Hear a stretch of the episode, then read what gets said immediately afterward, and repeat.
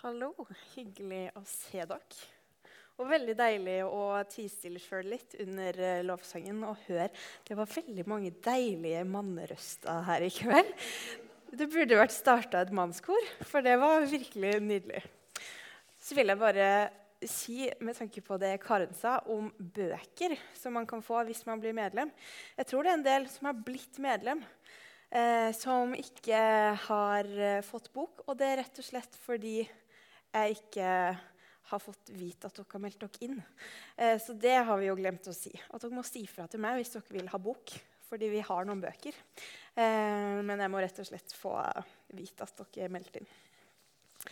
Men jeg gleder meg til å se dere i kveld og skal i dag tale over søndagens tekst. Eh, og Vi starter med å lese fra Markus evangeliet, kapittel 6, vers 30 44. Der står det Apostlene samla seg igjen hos Jesus og fortalte han om alt de hadde gjort, og alt de hadde lært folket. Og han sa til dem, 'Kom med meg til et øde sted hvor vi kan være alene, og hvile dere litt.' For det var så mange som kom og gikk, at de ikke fikk tid til å spise engang. Så dro de ut med båten til et øde sted for å være alene. Men mange så at de dro bort, og kjente dem igjen. Og fra alle byene strømma folk sammen til fots og nådde fram før dem. Da Jesus gikk i land, fikk han se en mengde mennesker. Han fikk inderlig medfølelse med dem, for de var som sauer uten gjeter. Og han ga seg til å undervise dem om mange ting. Det var nå blitt seint på dagen, og disiplene kom til han og sa.: Stedet er øde, og det er alt blitt seint. Send dem fra det, så de kan dra til gårdene og landsbyene her omkring og kjøpe mat. Men Jesus svarte, dere skal gi dem mat. De sa, skal vi kanskje gå og kjøpe brød for 200 denarer, så de kan få spise? Hvor mange brød har dere? spurte han. Gå og se etter. Da de hadde gjort det, sa de, fem brød og to fisker. Så sa han at de skulle la alle danne matlag og sette seg i det grønne gresset. Og de slo seg ned, rekke ved rekke, noen på 100 og noen på 50. Så tok han de fem brødene og to fiskene, løfta blikket mot himmelen og ba takkebønnen brøt brødene i stykker og ga til disiplene for at de skulle dele ut til folk. De to fiskene delte han også ut til alle, og alle spiste og ble mett. Etterpå samla de opp tolv fulle korger med brødstykker og fisk. Det var 5000 menn som hadde spist. Teksten starter med at apostlene hadde samla seg hos Jesus. De hadde vandra lenge sammen med Jesus, men nylig hadde Jesus sendt dem ut to og to som representanter for han. Og Disiplene fikk makt over onde ånder, og de forsynte og helbreda folk. Men så samla de seg hos Jesus for å fortelle om hva de hadde gjort, og lært folket. Og Dette ligner jo veldig på det vi i dag kaller for en praksisperiode. Og det var det nok også. Der de først hadde gått i lære sjøl og observert det Jesus gjorde. Så ble de sendt ut for å få erfaring. Men etter å ha fått litt erfaring så dro de tilbake til læremesteren for å få veiledning.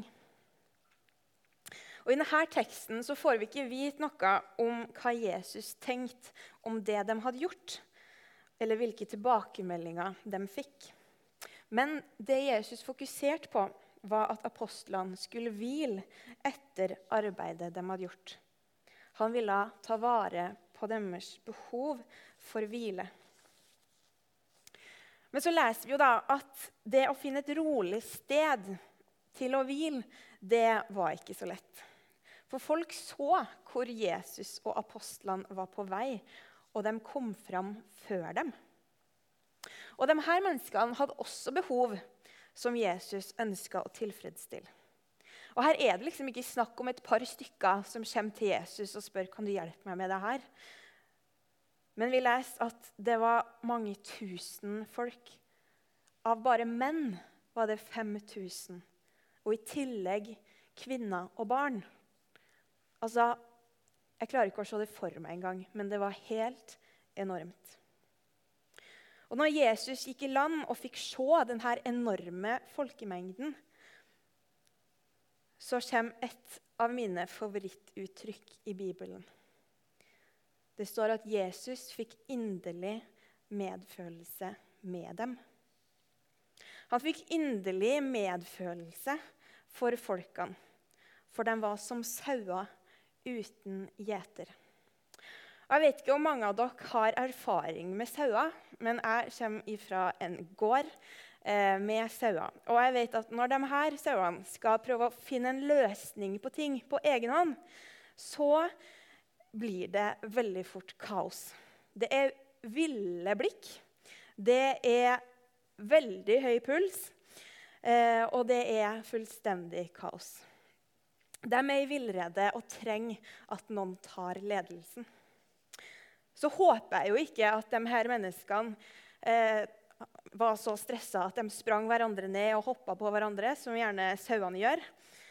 Men det er tydelig at de utstrålte behov som gjorde inntrykk på Jesus.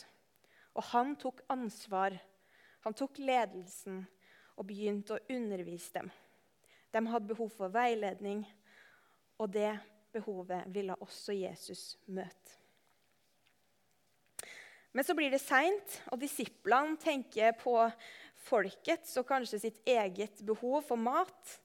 Og de går til Jesus for å be han sende folkene av gårde, så de kan kjøpe mat. Og Jesus bryr seg om folkene sitt behov for mat. Men han møter det på en annen måte enn det gjerne disiplene tenkte var naturlig.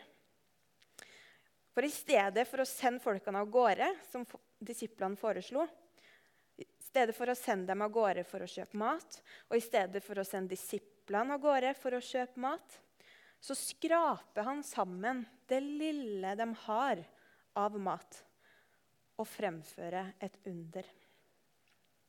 Jesus klarte å lage overflod av mat ut av det lille de hadde. Og alle spiste alle ble mett, og det var mat til overs. 5000 menn pluss kvinner og barn hadde spist. Jesus møtte virkelig deres behov for næring. Og Jeg liker denne teksten, eh, ikke først og fremst fordi Jesus gjør et under, men fordi det er så utrolig tydelig at Jesus ser de menneskene han møter. Han ser deres behov og møter dem. Og I denne teksten ser vi at Jesus møter folks behov for hvile, behov for veiledning, for næring. Han møter alt det. Han bryr seg om det fysiske, det emosjonelle og det tankemessige. Jesus bryr seg om hele mennesket. Og ikke bare bryr han seg, men han har inderlig medfølelse med oss når han ser sterke behov.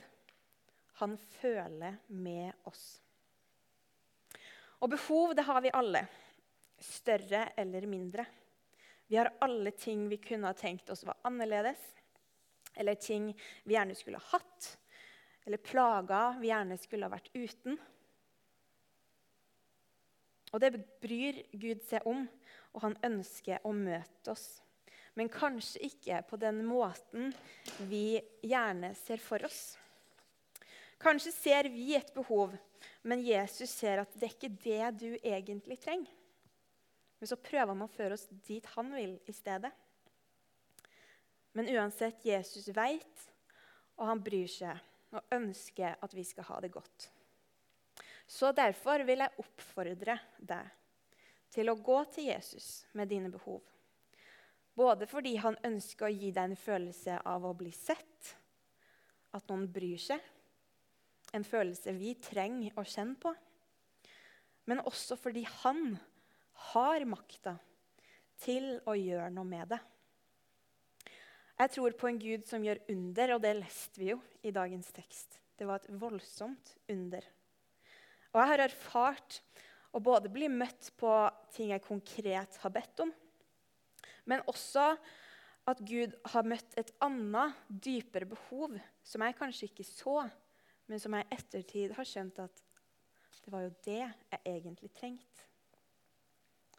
Så ikke vil jeg bare be deg om å Eller eh, oppfordre deg til å be til Gud om å møte dine behov, men jeg vil oppfordre deg til å be om at han kan møte på en måte bare han kan i det du selv ikke kan forstå ennå. Ikke bare be om konkrete ting, men be om at hans vilje skal skje i ditt liv. For Guds planer for oss er så uendelig mye større enn den, det vi kan fatte. Og han ser så uendelig mye mer enn det vi ser. Så jeg vil utfordre deg til å be Gud om å vise deg litt av det. Men så er det skummelt da, å be Gud la din vilje skje. Fordi vi vil jo så utrolig gjerne være herre i eget liv.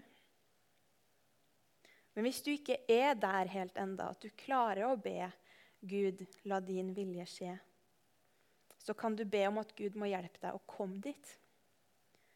Gud, jeg ønsker at du skal være herre i livet mitt. Men jeg syns det er vanskelig å gi slipp på den kontrollen. Hjelp meg å se at det er godt å gi deg kontrollen. Hjelp meg å be med et helt hjerte om at din vilje må skje. Og la meg kjenne at du er med på hele den veien mot å ville gi livet mitt til deg. For det er en øvelse å skulle gi slipp. Det er en øvelse for oss å skulle gi bort kontrollen og stole på at Gud tar kontroll på en god måte. Men Gud ønsker å være hyrden. Han ønsker å gi hvile, fred og trygghet. Og Vi kan lese Davids opplevelse av hvordan det er når Gud er den som leder. Hvis du enda ikke har kjent hvor godt det kan være at Gud er hyrden i livet, så kan kanskje Davids ord være til oppmuntring til å begynne eller til å fortsette med å gi Gud kontrollen. Les Salme 23, vers 1-6. En salme av David. Herren er min hyrde. Jeg mangler ikke noe. Han lar meg ligge i grønne enger. Han leder meg til vann der jeg finner hvile. Han gir meg nytt liv. Han fører meg på rettferdighetsstier for sitt navns skyld. Om jeg enn skulle vandre i dødsskyggens dal, frykter jeg ikke noe vondt, for du er med meg. Din kjepp og din stav, de trøster meg. Du dekker bord for meg like foran mine fiender. Du salver mitt hode med olje, og mitt beger renner over. Bare godhet og miskunn skal følge meg alle mine dager, og jeg skal bo i Herrens hus gjennom alle tider. Det syns jeg høres utrolig godt ut. Men så er det også sånn at vi er kalt til å være Jesu disipler. Som ikke bare får, men som også gir videre av det vi har. Og Gud vil både at våre egne behov skal bli møtt, men også at vi skal møte andre. Bli berørt av dem og virkelig se dem som er iblant oss. I Romerbrevet kapittel 12 vers 10 står det:" Elsk hverandre inderlig som søsken.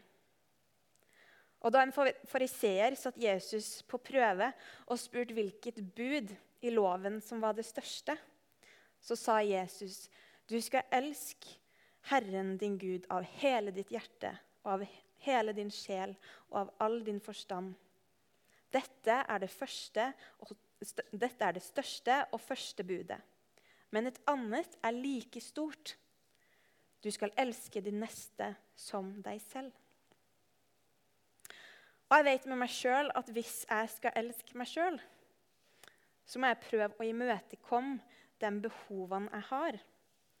Om det er for mat, om det er for nærhet, om det er hvile eller fysisk aktivitet eller kunnskap. Og på samme måte som jeg må prøve å imøtekomme de her behovene hos meg sjøl, så må jeg også prøve å imøtekomme eh, de her behovene hos andre. Elsk min neste som meg sjøl. Men så er det et viktig poeng da, at man kan ikke gi bort noe man ikke har. Har du ikke kjent at ditt behov er møtt, så er det vanskelig å møte andres behov. Noen har lettere for å ta vare på seg sjøl enn andre. For min del har det vært, eh, og er det fortsatt, en stor øvelse i å skulle ta vare på meg sjøl. Både mitt behov for næring, for nærhet, for kjærlighet fra andre, for hvile.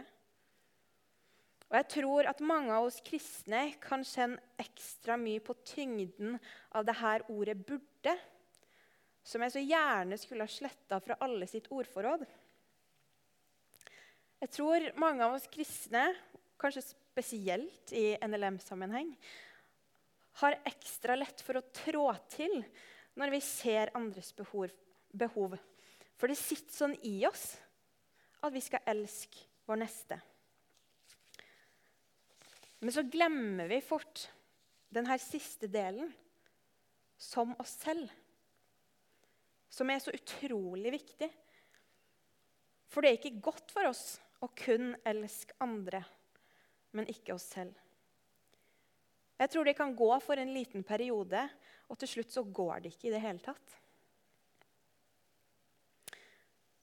Så jeg håper at vi alle kan jobbe med å leve bærekraftige liv.